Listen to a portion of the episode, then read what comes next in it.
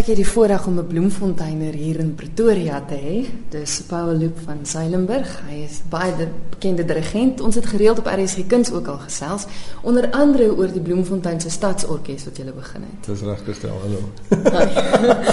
Welkom hier in Pretoria. Baie dankie. maar nou gesels ons oor die Stellenbosch Stadsorkes ja. wat eintlik na die Bloemfontein se Stadsorkes begin het. Vinnig net gou weer vir die wat dit dalk gemis het, hoekom die behoefte in Stellenbosch?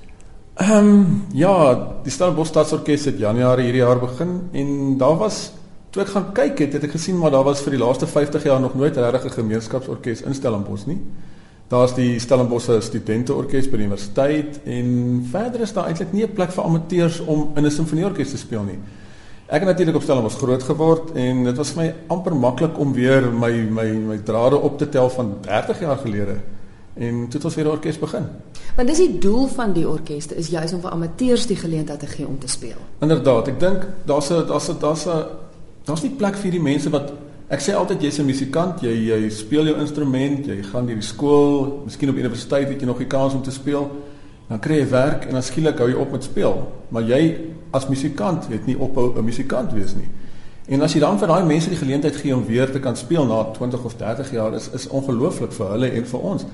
En en die stadsorkes konsep werk fantasties in die sin wat ons skep geleentheid vir die amateurs om te speel, maar omdat ons professionele spelers by dit sit, het ons die standaard van 'n 'n goeie orkes. Nou julle het nou julle eerste konsert gehad in Januarie en dit het fantasties goed gegaan. Dit was by die Oude Libertas. By die Oude Libertas. Dit was eintlik ja, jy weet jy begin 'n ding, iemand bel jou en sê kom speel. Jy het nie 'n orkes nie. Jy sê ja, ons sal die konsert doen, maar jy weet nie wat jy gaan kry nie. Ek onthou ons het Woensdag ingestap in die repetisiesaal by Paul Roos en Dagbreek se televisiespan was daar en hulle sê okay, kom ons gaan nou dadelik iets afneem en jy lig jou stok en jy begin speel. Jy weet nie wat jy gaan kry nie en dit klink goed en dan dink jy okay, dit gaan werk. ja.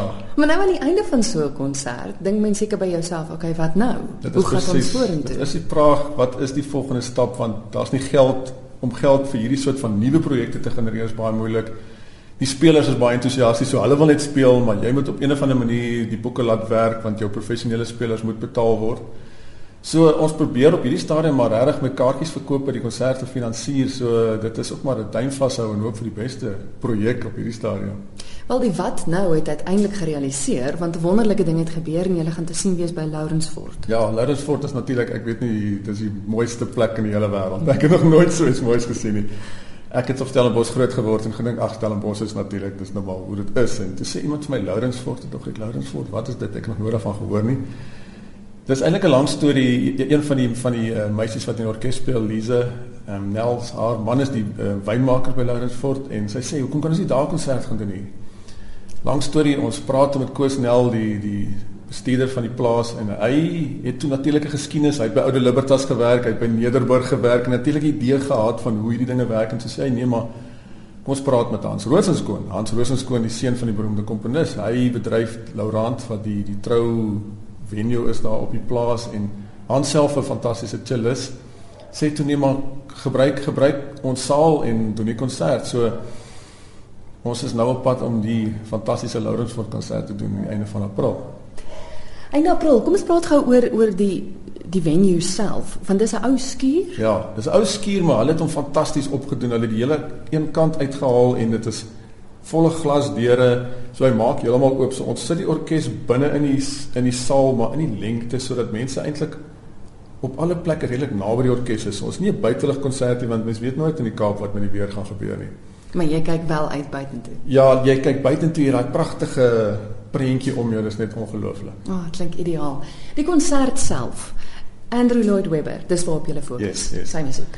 Nee, Andrew Lloyd Webber se musiek is natuurlik baie bekend, baie beroemd, baie geliefd. Hy is nou 50 jaar wat hy op Broadway is en 65 wat hy sy eerste Broadway treffer gehad. En daar's natuurlik fantastiese goed wat hy geskryf het en om dit in 'n uur eintlik vas te vang is baie moeilik, maar dis amper om te sê jy vat Wagner se mm beste momente hier sit dit almal gelyktydig met mekaar. Dis wat ons van Andrew Lloyd Webber nou gedoen het. Regtig elke beroemde treffer wat hy geskryf het gaan daar wees. Maar dit gaan lekker wees dink ek vir die gehore want almal ken sy musiek. Ja, nee, daar's daar's daar's daar's baie beroemde goeters daarin van van die Vita en van uit Phantom natuurlik en ja, al die bekende nommers wat wat almal ken. Nou dis nou amateurs wat speel, maar jy het ook genoem dat professionele mense word en ek dink jy bring twee soliste ook van Ons, Bloemfontein af. Ja, ja, ja. Dan my orkes bestaan op die oomblik, dis ongeveer 50 spelers, maar môre bel iemand en sê hy wil speel en dan die dag daarna bel iemand anders om te sê kan nie meer speel nie. So ons het omtrent so 50 waarvan 14 tussen 14 en 16 professionele spelers is en regtig goeie spelers. Ek het fantastiese strykers. Quentin Crida, hy is die leier van Tinta Barocca, is regtig 'n baie baie goeie leier. Ehm um, daar's almal ou vriende van my wat ons in die jeugorkes mee gespeel het. Ehm um, wat regtig die die die die kern van die orkes baie sterk maak. So dis 'n baie goeie orkes, eintlik verstommend goeie orkes as jy dink 3 kwart is amateurspelers. Dit bly altyd vir my verstommend van hoe mense wat mekaar nie eers ken nie en wat van oral oorkom sommige is amateurs, ander professioneel en jy kry dit reg om hierdie fenominale musiek te maak. Dit is eintlik 'n bietjie van 'n wonderwerk baie keer as mens kyk na wat gebeur. As jy daar kies byvoorbeeld kyk, ek dink ehm um, laas het my seun nog gespeel toe was hy nog op skool. En dan van die ouer spelers is regtig hulle 60ers. En daar's baie mense wat Ek ken van ek het byvoorbeeld verlede jaar saam met die nasionale jeugorkes hulle 50 jaar bestaanjaar was ek een van die ou manne wat kon gaan saam speel. So daar's party van daai jong ouetjies wat ek daar gekry het wat saam speel.